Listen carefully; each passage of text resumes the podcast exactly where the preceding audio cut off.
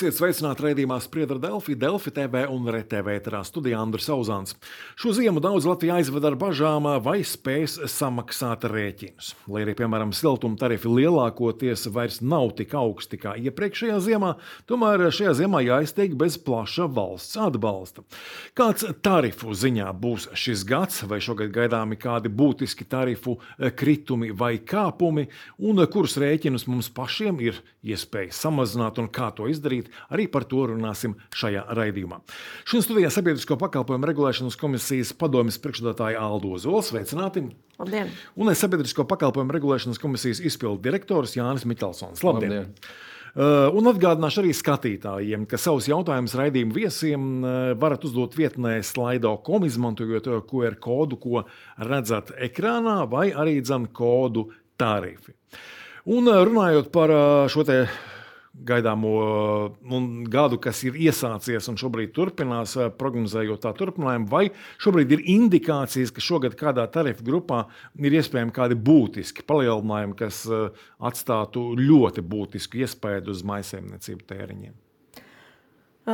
Regulātora darbības kompetencē ietilpst dažādu tarifu apstiprināšana vairākās nozarēs, tātad gan siltumenerģijas tarifi, elektroenerģijas sadales pārvades tarifi, gāzes sadales pārvades tarifi, atkrituma apsaimniekošana, depozi, apglabāšana, depozīta, mākslas ūdens saimniecības pakalpojumu tarifi arī. Un, tarifu izmaiņas nu, būtiski uzsvērt, ka nav, nav sasaistītas ar, ar konkrētu kalendāro gadu. Tur uh, ir izmaiņas, kas tiešām ir no 1. janvāra spēkā, bet uh, ir jomas, piemēram, siltumenerģija, kur tie tarifi uh, mēdz mainīties uh, diezgan bieži. Tas ietekmēšais faktors bieži vien ir, ir kurināmā uh, cenu izmaiņas. Un, uh, tas, ko šobrīd redzam, ka nu, tās kurināmā cenas tādam īsākam vai, vai termiņam, uz kuru ir slēgti līgumi, ir eh, vidēji eh, būtiski zemākas nekā bija pirms gada. Eh, tātad gan dabasgāzes cenas ir, ir būtiski samazinājušās Eiropas biržās, gan arī um, šķeldes un kokskaitu granulas cenas ir zemākas. Attiecīgi, tas arī bijis par pamatu, lai, lai tie siltumenerģijas tarifi uh, samazinātos. Uh, ir vietas, kur tarifi arī nu, nedaudz ir pieauguši, tur varbūt dažādi citi arī, arī tehniski uh, iemesli. Uh, Ūdensaimniecības joma ir, kur arī tarifi mainās, bet eh, nu, tās izmaiņas var būt mazāk jūtamas. Bieži vien uh, arī uh, tarifi, kuri pagājušajā gadā paaugstinājās, tika paaugstināti saistībā ar elektroenerģijas cenām, jo ūdensaimniecībā elektroenerģijas izmaksu komponenti ir būtiski. Tur šobrīd arī redzam, ka tās elektroenerģijas cenas iet uz leju. Attiecīgi arī tarifi var nedaudz samazināties. Uh, Tagad tādi uh, būtiski eh, kāpumi, kritumi varbūt uh, šogad nav, nav gaidāmi, bet, protams, izmaiņas, izmaiņas būs. Ir, un, un katru dienu faktiski saņemam kaut kādus jaunus tarifu pieteikumu, izmaiņas vērtēšanā daudzus tarifu projektu. Tad, tad jūs varat apstiprināt, ka energoresursu cenas ir viens no tādiem būtiskākajiem faktoriem, kas tarifus ietekmē. Un tas arī attiecās uz pakalpojumiem, kurus ļoti tieši izjūt iedzīvotāji. Tad no iedzīvotāju izdevumiem lielākā izmaksu pozīcija ziemā ir par apkuri, vienalga vai tā ir centrālā apkura vai individuāls risinājums. Līdz ar to energoresursu cenas ļoti būtiski ietekmē iedzīvotāju maksājumus. Energoresursu tirgi arī ietekmē pēc tam elektrības izmaksas, jo Liela daļa no izmaksām veidojās biržā, kas svārstās līdzi naftas, gāzes cenām. Un šobrīd var teikt, tās cenas ir salīdzinoši stabilas jau vairākus mēnešus. Arī šis ziemas augstums nav radījis kaut kādu papildus spiedienu uz cenām. Tā kā kopumā varam teikt, ka gads ir iesācies stabili. Bet eh, nu, viens faktors, eh, ņemot vērā to, ka valstī ir gan inflācija un tiek palielinātas algas, cik liels mm, nu, tarifu jomā faktors ir tas, ka valstī pieaug algas un ir spiediens šim algām eh, kāpt. Attiecībā uz šiem enerģētikas pakalpojumiem faktiski atlīdzība ir salīdzinoši maza pozīcija no kopējām izmaksām. Ja mēs skatāmies siltumā, tad tur kurināmais ir pie 60-80% no kopējās izmaksas. Personāla izmaksas varētu būt zem 10%. Ja skatāmies iepriekš lielu interesi radījušos elektrības uh, sadales un pārvades tarifus, arī tajā gadījumā personāla izmaksas ir ap 10% no kopējām izmaksām. Tā kā pat ja personāla izmaksās ir pieaugums, tas iespējas uz kopējo ir salīdzinoši neliels. Skatos, ka regulators uh, regulāri um, publicē gan dažādus skaidrojumus, gan arī analītiskus materiālus. Um, vai ir tā, ka varat prognozēt tikai tos tarifus, kuru projekti jums ir vērtēšanā, vai arī regulātora eksperti analizē arī kādas tālākas tarifu pieauguma mm, vai arī krituma tendences? Cik tālu jūs spējat kaut ko prognozēt un skatīties? Jā, regulators tiešām regulāri publicē gan tirgus apskatus, gan arī dažādas cenu un tarifu izmaiņu tendences dažādās nozarēs.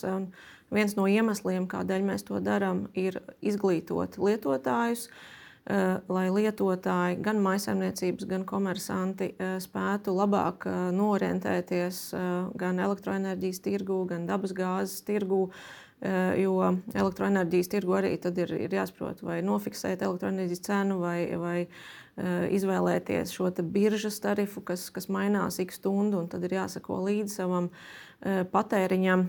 Dabasgāzes tirgu arī tās izmaiņas ir bijušas gana, gana dinamiskas. Ja, ja skatāmies laika posmu no 22. gada līdz, līdz šim brīdim, tad tās cenas vērtības ir bieži būtiskas. Tāpēc mums ir svarīgi, lai lai tiešām lietotāji eh, spētu eh, orientēties.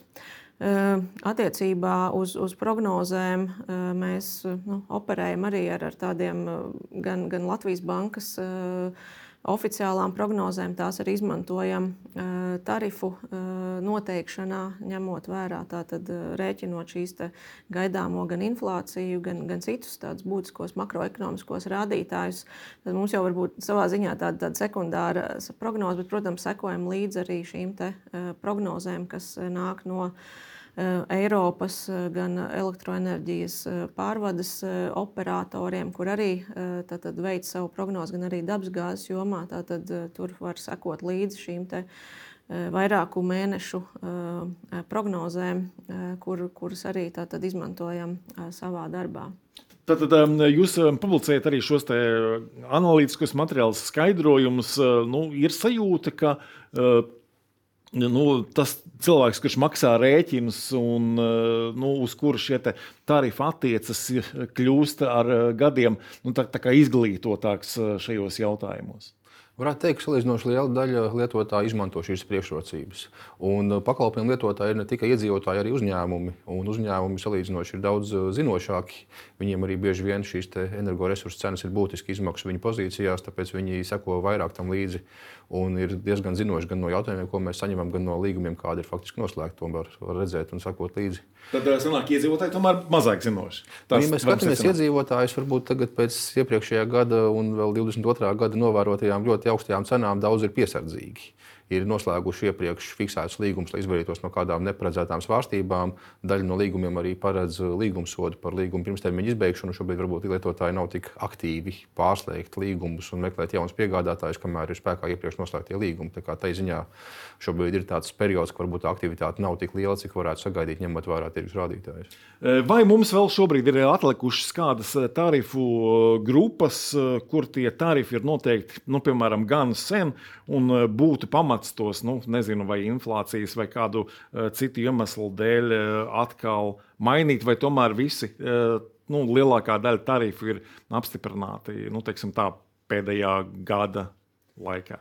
Uh, nu, tarifi mums ir dažādās grupās, dažādās nozarēs, kā jau, kā jau minēju. Bet, uh, pirmais, kas nāk prātā, varbūt, kur tarifi, uh, ir tarifi, kas nav pārskatīti kādu laiku, ir piemēram ūdensaimniecības pakalpojumu jomā, vai arī nu, ir bijušas situācijas, kur arī siltumenerģijā ir, ir kāda nelielāka apdzīvota vieta, kur varbūt tas kurināmā cenu izmaksu svārstības nav bijušas tik, tik būtiskas. Bet, Ja mēs eh, redzam, ka tarifs nav eh, ilgi eh, pārskatīts un tās izmaksas, kas ir iekļautas tarifā, ir būtiski mainījušās, arī kaut kādas citas struktūrāls izmaiņas, tur arī sekojam līdzi un, un sūtām atgādinājumus ar aicinājumu vērsties pie mums un iesniegt jaunu tarifu projektu.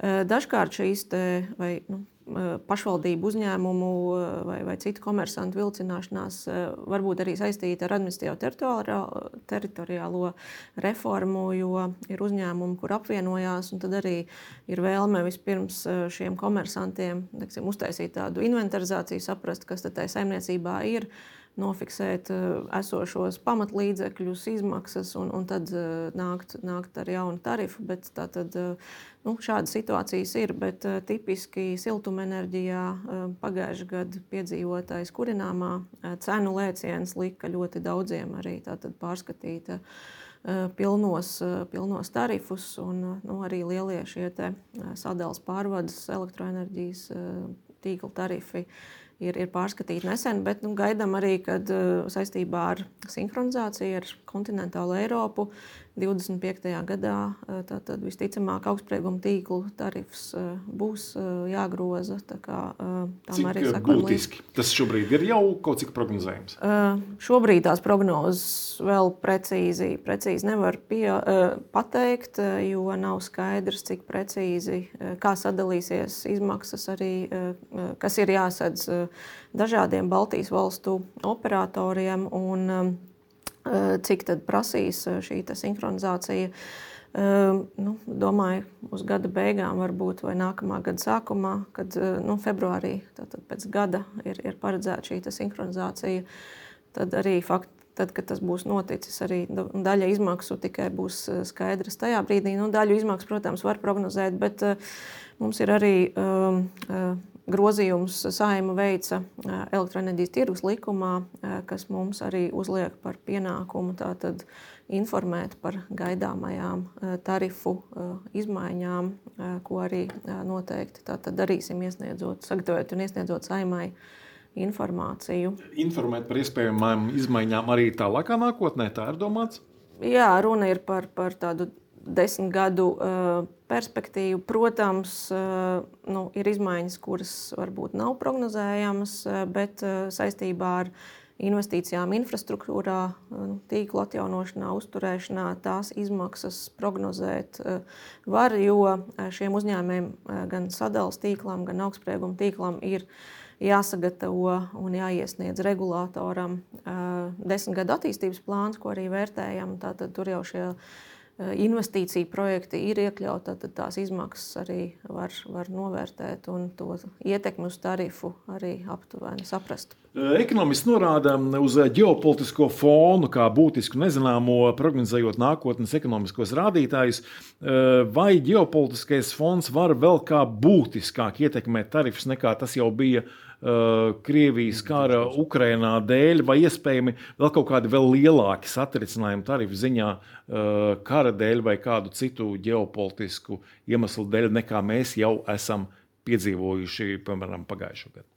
Varētu teikt, ka pret to situāciju, kāda bija divus gadus atpakaļ, šobrīd energoresursu piegādes ceļi ir vairāk dažādoti. Līdz ar to ir lielāka elastība tirgu, iespēja pielāgoties pret ietekmi no kādiem atsevišķiem satricinājumiem. Mēs esam salīdzinoši veiksmīgi pielāgojušies. Un tas ir otrs aspekts, jā, kad pēdējo divu gadu laikā tās izmaiņas, kas ir notikušas, piemēram, ar gāzes piegādes ceļiem, un šo, to, ka šis apjoms šobrīd ir nodrošināts un patēriņā nav nekādu ierobežojumu un problēmu, faktiski ir tāds uh, labs piemērs tam, ka komersanti ir spējuši veiksmīgi tam pielāgoties, tirgus ir elastīgs un tas nav radījis kaut kādus ierobežojumus lietotājiem. Uh, pie turpmākām prognozēm, protams, ģeopolitiskā situācija gan tuvajos austrumos ir nestabila, gan arī attiecībā uz situāciju Ķīnā, kas varbūt vairāk ietekmē tīri attiecībā uz ekonomisko izaugsmī, pieprasījumu. Tajā brīdī, ja Ķīnā pieaugums ir lēnāks, tad attiecīgi energoresursi ir vieglāk pieejami, pieprasījums kopumā pasaulē ir mazāks. Mēs redzējām gan satricinājumus, kas radās no pandēmijas ierobežojumiem, gan pēc tam turpmākajos gados. Tagad savukārt Eiropā izaugsme ir lēnāka līdz ar augstākām procentu likmēm. Un tas viss savā ziņā ir palīdzējis šobrīd noturēt tās energoresursu cenas salīdzinoši zemākā līmenī. Ja kādā brīdī atsaukās straujāk izaugsme arī bez kādiem ģeopolitiskiem satricinājumiem, tas var radīt papildus energoresursu pieprasījumu un cenas varētu vēl pakāpeniski augt. Jā, arī tāds iemesls iespējams. Tātad jaunie elektroenerģijas sadales un pārvades tarifi ir spēkā no 1. janvāra rēķins par tiem, ja es pareizi saprotu, mēs saņemsim nākamā mēnesi. Vai ar tiem ir sagaidāmi kādi pārsteigumi, ņemot vērā valsts atbalsta beigas? Um, jaunie uh, tarifi vai, vai uh, pārreķinātie uh, tarifi, tātad izmaiņas jā, ir, ir uh, divējādas. Uh, um, no vienas puses ir samazināts uh, tarifu pamatvērtības uh, visām lietotāju grupām. Un tur tas samazinājums ir 7 līdz 11% robežās, ja runā par šo fiksēto tarifa daļu. Un tas ir saistīts gan ar to, ka šis inflācijas temps ir, ir samazinājies, un arī elektroenerģijas izmaksas vidējās ir, ir samazinājušās. Arī šī prognoze par to, kādas elektroenerģijas cenas ir gaidāmas, tad, tad vairāk šie faktori, kas ir ļāvuši arī pašu tarifu nedaudz samazināt. Uh, Otrs, eh, kas skar eh, maisaimniecības eh, tiešā veidā, ar, gan ar, ar vienas fāzes un, un trīs fāzes pieslēgumiem līdz 25 ampēriem jaudas, ir tiešām izmaiņas valsts atbalstā, jo tā tad no pagājušā gada septembra līdz decembrim Eh, mājsaimniecībām tika piemērots valsts atbalsts eh, šīs fiksētās eh, sadales tīkla tarifa daļas sekšanai 60% apmērā.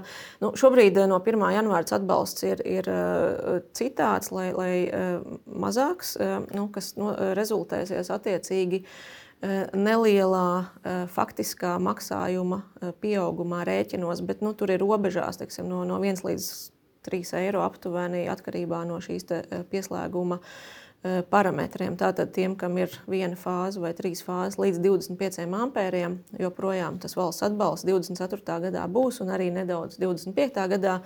Tas nodrošina arī tātad, likumdevēja saimas e, noteikto vēlmi, mērķi, tātad nodrošināt, ka atsevišķām lietotāju grupām, šajā gadījumā maisaimniecībām, tas tarifu pieaugums ir, ir lēzens un, un tātad pa gadiem mainās uh, nedaudz. Bet tātad, nu, faktiskais rēķins, jā, tad uh, maisaimniecībām pa dažiem eiro uh, palielināsies, savukārt juridiskiem lietotājiem. Tā kā ir tas kopējais tarifu samazinājums, nu, tad tas rēķins būs par 7 līdz 11% zemāks, kā bija šajā gadā no 23. gadā no, no 1. jūlija. Kas nosaka to, ka ir šie 7, 10% nost no, no, no, no iepriekšējiem tarifiem? Attiecīgi, iepriekšējais tarifs bija rēķināts ņemot vērā sadalījuma tīklus iesniegtu aprēķinu, kur prognozes lielā mērā bija nofiksētas 23. gada aprīlī, un pēc tam regulators tās bija maijā apstiprinājis ar lēmumu. Šobrīd, ņemot vērā visas izmaiņas tirgū, Pagājušā gada novembrī sadalījuma tīkls atnāca ar jaunu precizētu aprēķinu, gan ņemot vērā to, kā ir mainījušies lietotāju parametri, pārskatītās jaudas, gan arī ņemot vērā aktuālās biržas cenas un dažādus citus līgumus, kurus operators jau ir pārslēdzis vai kur ir ņemt vērā inflācijas izmaiņas, piemēram, attiecībā uz to pašu atalgojumu. Tā kā faktiski tas kopumā viss ir atstājis šo iespaidu uz izmaksām, kuras tagad ir prognozētas zemākā līmenī turpmākajiem gadiem. Jūs pieminējat atalgojumu, tātad, nu, piemēram, sadalījuma tīklā atalgojuma kāpums pieaugums vairs tik strauji netiek prognozēts. Eh, eh. Attiecībā uz sadalījuma tīklu ir piemērots darba koplīgums ar arotbiedrību, kurā ir paredzēta atalgojuma piesaiste inflācijai. Un līdz ar inflācijas kritumu un aktuālajām prognozēm arī šī prognoze par sagaidāmo atlīdzību pieaugumu ir attiecīgi zemāka. Eh, ko vispār ir iespējams darīt, lai elektrības rēķinu cilvēks samazinātu, nu, līdz ar, protams, skaidrs elementāru taupīšanu? Ko vēl ir iespējams darīt? Ir eh, būtiski, lai lietotāji uh, apskatās, kāda ir viņiem šī pieslēguma jauda. Un vai tiešām viss, kas ir uh, paredzēts, teiksim, nu, trīs fāzes, un, un 20 vai 25 ampēri vai 16, vai tas ir tiešām nepieciešams. Tam patēriņam, kas ir attiecīgajā maisaimniecībā. Uh, Un uh, visērtāk to uh, izdarīt un, un saprast uh, šos te tehniskos rādītājus un to atbilstību uh, lietotāju vajadzībām ir uh, izmantojot sadalījuma tīkla, tīmekļa vietni. Uh, Tur var eh, tātad ievadīt kaut kādus būs, ja? parametrus, kādas ierīces atrodas maisaimniecībā un, un, un cik tad eh, būtu tā optimālā pieslēguma jauda. Un tur arī var, var eh, parēķināt un saprast, tad, kāds tarifs varētu būt izdevīgs. Jo, Piemēram, ir varbūt dārza mājiņas vai, vai kādas garāžas, vai, vai kur tas patēriņš ir, ir ļoti neliels, vai arī viņš ir sezonāls. Uh, Un, uh, tur ievadot šos parametrus, arī var, var ērti salīdzināt, vai, vai varbūt lietotājiem ir uz laiku uh, jāpāriet uz speciālo tarifu. Tur tā fiksētā uh, tarifa daļa būs uh, salīdzinoši neliela. Savukārt par katru patērēto kilovatstundu atkal tā maksa būs, uh, tarifa daļa būs uh, salīdzinoši augsta. Tur ja patēriņš ir nu, tuvu nulei vai, vai, vai nulle, piemēram, ziemas periodā, tad iespējams ir vērts pārslēgt noteikti uz šo speciālo tarifu. Savukārt, nu, ja tas patēriņš ir, tad tur, tur tiešām ir ērti izmantot šo tīmekļu vietni. Un, un, un salīdzināt Bet, šos parametrus. Tas ir sadalījums tīkla pamats un speciālais tarifs. Vai vispār jūsuprāt, daudzi zina par to speciālo tarifu un, un, un, un to, kā noskaidrot, vai ir izdevīgi vai nav? Es domāju, ka sadalījums tīkls arī uh, ir visai plaši uh, mēģinājis izglītot lietotājus. Arī tad, kad bija šīs tarifu izmaiņas uh, pagājušā gadā vidū un, un pagājušā gada rudenī, arī, arī vēršoties pie lietotājiem, aicinot pārskatīt gan pašu pieslēguma parametrus, gan arī izvēlēties atbilstošāko pieslēguma plānu. Bet tas, kas svarīgi arī lietotājiem ir, ir lai sekot līdzi e, šīm te, e, savam ikmēneša rēķinam, jo droši vien tas ir tas, kas interesē e, katru lietotāju, ir varbūt atteikties no izlīdzinātā maksājuma, jo ir lietotāji, kas joprojām to izmanto, jo tas ir ērti, jo katru mēnesi vienāda summa, bet pāriet uz šo ikmēneša maksājumu, un tad var redzēt, cik tad ir tarifa daļa, jo tarifs ir tikai viena daļa no kopējā elektroenerģijas rēķina. Eh, kāda ir eh, maksa par pašu elektroenerģiju, jo elektroenerģija jā, var būt eh, šī biržas cena, var būt fiksēts, tad jautājums, pie kāda līmeņa šī elektroenerģijas cena ir nofiksēta. Nu, lietotājiem arī ir eh, jāuzņemās mazliet inicitīva, uh, sekot līdzi. Jāpasako līdzi, jo, piemēram, arī es esmu novērojis, ka pie izlīdzinātā maksājuma uh, ir grūtāk vienkārši sa saprast, uh, kurā brīdī par ko es esmu, cik daudz samaksājis. Pilnībā piekrītu, arī palīdzēju savai mammai nomainīt un atteikties no izlīdzinātā maksājuma, pāriet uz šo ikmēnešu. Un to pie elektroenerģijas tirgotāja, tīmekļa vietnē vai, vai sazinoties citādi. Tātad šo formu var, var mainīt lietotāji un to arī aicinātu darīt, sekot līdzi šim ikmēneša patēriņam. Kas savukārt ir jāņem vērā, mainot elektrības tirgotāju, jo bieži tie solījumi mēdz būt nu, skaļāki nekā realitātei? Droši vien arī labākais veids ir paņemt kādu pēdējo rēķinu, apskatīties, kā izskatās faktiskais maksājums, cik no tā ir aizgājis par tīkla pieslēgumu, kāda ir pieslēguma jauda un cik ir tas maksājums, kas veido tirgotāju daļu, kas ir atkarīgs tieši no elektrības patēriņa. Un tad ir iespēja salīdzināt mājaslapās esošos tirgotāju piedāvājumus, kā izskatītos piemēram pagājušā mēneša rēķinā, ieliekot to cenu, ko tagad kāds tirgotājs piedāvāja vai kāda veidojās no biržas. Tā kā šeit varētu teikt, mēs šobrīd no tām atskaitēm, kas mums nāk no elektrības tirgotājiem, redzam, ka liela daļa lietotāju ir noslēguši fiksētus līgumus un noslēguši viņus pagājušā vai aizpagājušajā gadā pie salīdzinoši augstām cenām. Tā kā šajā brīdī aizvien ir aktuāls jautājums par to, ka lietotājs var salīdzināt, izvēlēties, vai viņam nebūtu izdevīgāk pārslēgt līgumu uz jaunu un iespējams arī jaunu fiksētu, kura šobrīd joprojām ir zemāka nekā tā, kas bija noslēgta pagājušajā vai aizpagājušajā gadā. Bet eh, mainot tirgotāju, vai tomēr ir eh, pietiekami liela tā starpība nu, tiksim, brēķinu ziņā, eh, vai tomēr nu, visam pamatā ir šī biržas cena un tur starp dažādiem tirgotājiem tās atšķirības nav pārāk lielas? Pamatā atšķirība veidojas no tā, kurā brīdī ir noslēgts līgums. Ja līgums noslēgts tajā brīdī, kad cenas kopumā bija augstākas, tad arī viņš būs nofiksēts līgumā šādā augstā līmenī.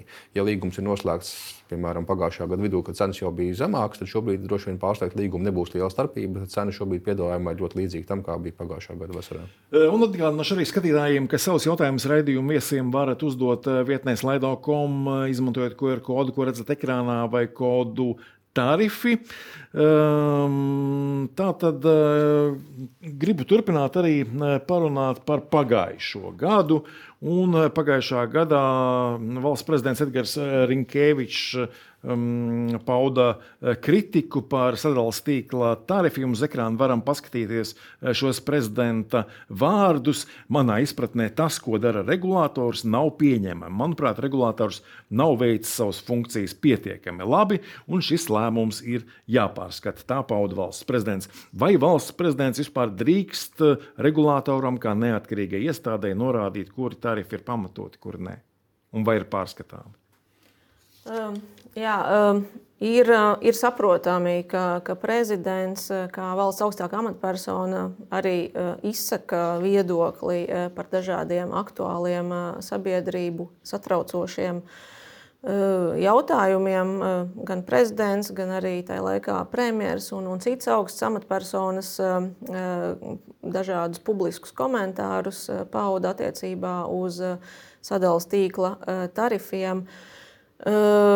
Ir, ir normāli uzdot jautājumus par to, vai tarifi ir pamatoti un, un kas ietilpst šajās tarifu veidojušās izmaksās.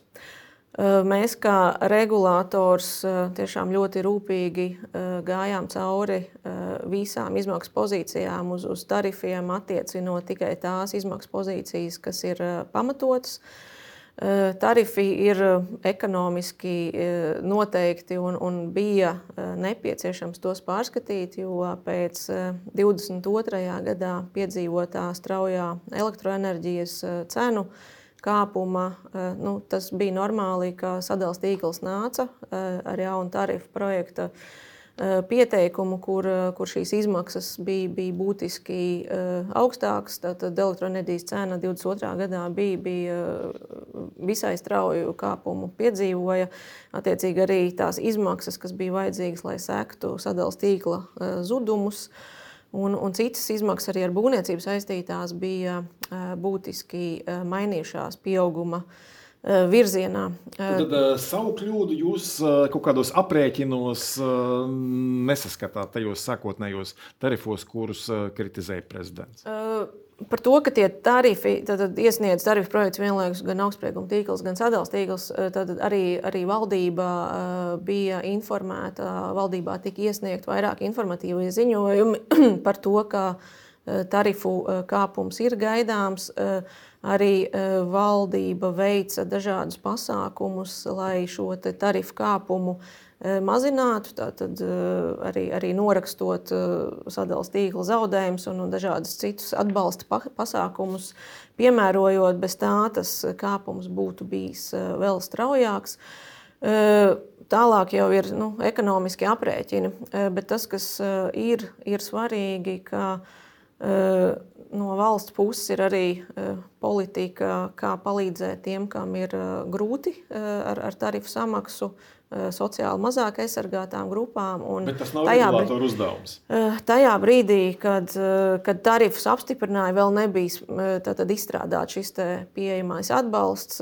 Pēc tam jau tas tika pie, piemērots daudz plašāks, bet skaidrs, ka šāda veida pasākumiem un skaidrībai ka valsts palīdzēs tarifu izmaksas sekt tiem, kam tas ir tiešām nepieciešams, ka tam ir jābūt. Un, uh, tajā brīdī tas nebija, tāpēc arī tās diskusijas bija, bija visai eh, smagas un, un sarežģītas. Eh, vēl varam paskatīties arī otru eh, prezidenta citātu. Prezidents secināja, ka tur, proti, sabiedrisko pakalpojumu regulēšanas komisijā cilvēki ir maķinīti aizrāvušies ar vienas funkcijas veikšanu, kā apkalpot monopolus, bet ir aizmirsuši par sabiedrības interesēm. Ko par šo izteikumu varat teikt? Es domāju, ka tā ir lieta, kur bieži vien no malas nav līdz galam novērojama. Regulātora loma ir līdzsvarot tās intereses, kas ir pakalpojumu sniedzējiem un tās, kas ir pakalpojumu saņēmējiem. Būt kā tiesnesim? Lielā mērā jā. Un tajā brīdī, kad strauji pieaug elektrības uh, izmaksas, tad tas ietekmē tikpat labi katru patērētāju, kā arī sadalījuma tīklu, kurš elektrības tirgu ir tās pats patērētājs, lai pirktu elektrību saviem zudumiem, tehnoloģiskiem patēriņiem. Tā kā šajā ziņā mums faktiski sadalījuma tīkls arī viens no lietotājiem, kurš pērk elektrību. Mēs arī viņu intereses šajā brīdī skatām. Bet attiecībā uz iedzīvotājiem, protams, iedzīvotāju interese ir saņemt pakalpojumu bez pārtraukumiem, labā kvalitātē Un mēs redzam, ka šobrīd Latvijā sadalījuma tīklā tas ir veiksmīgi izdevies. Bija rudenī vētra gan Latvijā, gan Igaunijā. Igaunijā operatoram tas prasīja daudz vairāk dienu pēc tam novērst vētras postījumus. Tā kā šai ziņā eh, tas, ka operatoram ir pietiekami līdzekļi, lai nodrošinātu savu darbu, pēc tam arī ir ieguvums lietotājiem, lai nebūtu kādi pārtraukumi vai pēc tam vairākas dienas jāsaka pie elektrības, bez elektrības tajā brīdī, kad ir bijusi vētra un tīkls ir bojāts. Tā kā mēs savā ziņā aizstāvam lietotājus, nodrošinot iespēju saņemt kvalitīvu pakalpojumu. Siltuma tarifi. Daudziem iedzīvotājiem tieši tiem ir lielākais iespējas uz ģimenes budžetu. Uz ekrāna varam paskatīties secinājums, ka tie ir būtiski zemāki nekā pirms gada. Kas ar tiem gaidāms turpmāk šogad? Es varbūt iesākšu. Faktiski mēs redzam, ka šobrīd kurināmā cenas ir stabilizējušās. Gan dabas gāze, gan šķelda, kas kopā veido lielāko daļu no patērētā kurināmā centralizētajā siltumapgādē, ir jau vairākus mēnešus ar salīdzinoši zemām cenām. Iepriekš vasarā tika sagaidīts, ka varbūt ziemā pieprasījums būs augstāks un cenas kāps. Šobrīd mēs redzam, ka faktiski pieprasījums nav būtiski radījis papildus spiedienu uz cenām, un dabasgāzei pat cenas ir kritušās salīdzinot ar to, kādas tās bija vasaras vidū. Gan Eiropā, gan Latvijā Inčukalnā krātuves ir ar augstu piepildījumu, līdz ar to nav sagaidām kaut kāda īstermiņa cenu svārstības komersantiem ir iespēja prognozēt savu darbību vairākus mēnešus priekšu. Vairāk komersanti ir noslēguši līgumus par kurināmā piegādi vairākiem mēnešiem, lai stabilizētu savu situāciju. Un mēs redzam, ka tās cenas, kas šobrīd ir lielākajās pilsētās, faktiski ir zemākas nekā lietotājiem bija pagājušajā gadā ar visu diezgan dāsnu valsts atbalstu. Tā kā, ja mēs skatāmies lielākās pilsētas, tur ir 20-22% mazāks maksājums nekā ir bijis iepriekš. Ir atsevišķi pilsētas, kur varbūt tā starpība nav tik liela vai pat neliels pieaugums pret iepriekšējo gadu, bet tas vienalga nozīmē, ka tā cena ir salīdzinoši zemā līmenī un lietotājiem bija laba situācija pagājušajā gadā. Bet tas nelielais pieaugums, tad nu, vienās pašvaldībās siltumenerģijas tarifi krīt, citās kāpī. Kāpēc? Tur ir divi iemesli. Viens ir tas, ka dažiem no komersantiem ir bijuši šie īstermiņa līgumi, kuri iepriekš uh, samazinājās, pēc tam rudens sākumā pieauga, tagad atkal dažiem samazinās. Un otrs bija daži komersanti, kuriem bija iepriekš noslēgta ilgāka termiņa līguma, un tarifs nebija pārskatīts iepriekšējā ziemā. Attiecīgi, vēl līdz pat 23. gada martam vai maijam daži no komersantiem strādāja ar iepriekš noteiktu salīdzinoši zemu tarifu, un savukārt atbilstoši tās kurināmā izmaksām tarifs tika pārreikināts tikai pagājušā gada novembrī vai dažiem pat no šī gada janvāra. Un tad tās izmaiņas šobrīd ir pret iepriekš ilgi nepārskatītu salīdzinoši zemu tarifu. Bet kopumā mēs redzam, ka tas uh, tarifu diapazons ir sašaurinājies. Visu komersantu tarifi ir daudz līdzīgāki nekā tie bija gadu iepriekš, kad gan līgumi bija atšķirīgāki, gan situācijas komersantiem bija atšķirīgākas. Nu, šķiet, ka šī zima bija mazliet, mazliet augstāka nekā pagājušā arī citu vietu Eiropā. Cik lielā mērā augstāka zima var ietekmēt šīs energoresursu cenas un tālāk arī varbūt šos tarifus? Attiecībā uz cenām šobrīd mēs redzam, ka īpaši priekškurināmā, kas attiecās uz siltumapgādi cenām, iespējas nav vēl novērojams. Savukārt pie pašiem lietotāju maksājumiem noteikti apjoms ļoti būtiski ietekmē ikmēneša rēķinus. Ja 22. gadā puse no decembra bija ļoti augsta un tikai decembra beigās palika siltāks, un janvārs bija silts, tad šogad savukārt mēs varam teikt, ka arī daļa no decembra bija vēsa, bet šobrīd janvāra sākums ir bijis vēl vēsāks. Un šeit ļoti būtiski ir tas, kā izskatās katrā mājā vai dzīvoklī patēriņš. Vai māja ir siltināta, vai ir iespēja kontrolēt siltuma patēriņu, vai varbūt ir tā, ka siltums mūk pa visiem pakšiem, un tad tas rēķins būs ļoti liels tikai tāpēc, ka ārā bija augsts. Tas ir svarīgāk. Pie zemākas temperatūras tam ir daudz lielāks iespējas nekā tarifu vērtībai. Pat.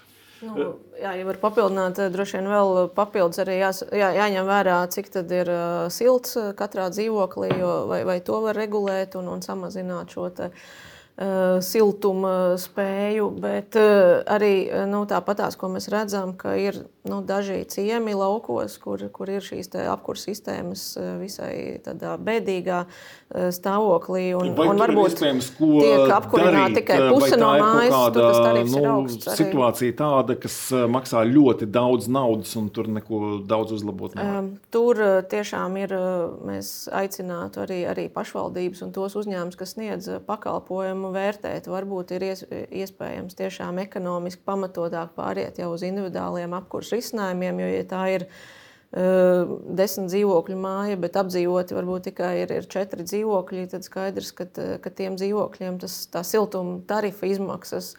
Un plus, ja viņi vēl nav energoefektīva, tad tās izmaksas iedzīvotājiem būs ļoti augstas. Tā kā varbūt tur ir, ir jāmeklē citi risinājumi.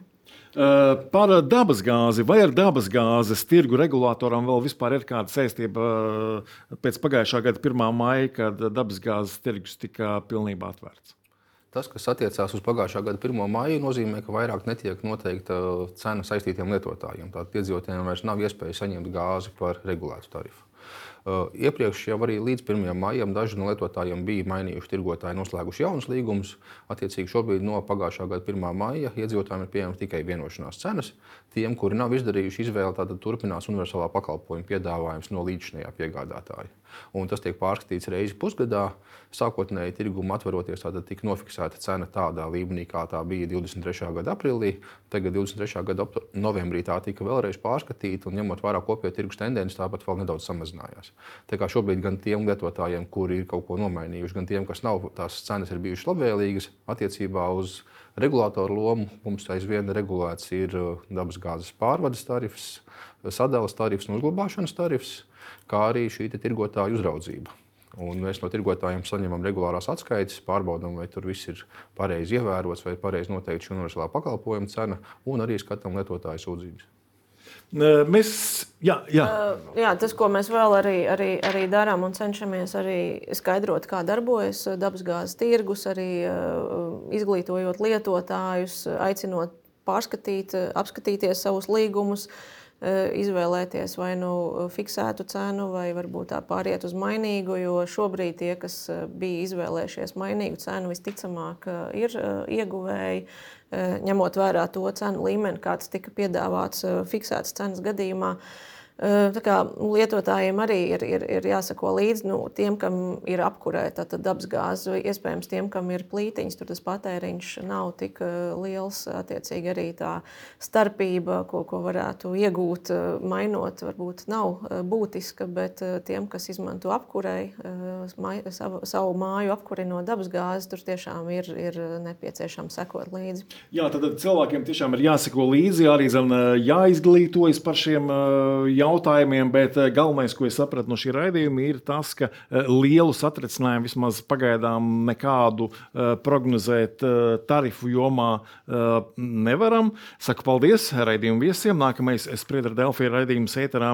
Rīt tas būs speciāla izlaidums, kurā mana kolēģe Alīna Lastovska izjautās amatu pametušo bijušo aizsardzības ministrijas valsts sekretāru Jāni Garisonu. Šodien paldies, ka skatījāties uz tikšanos!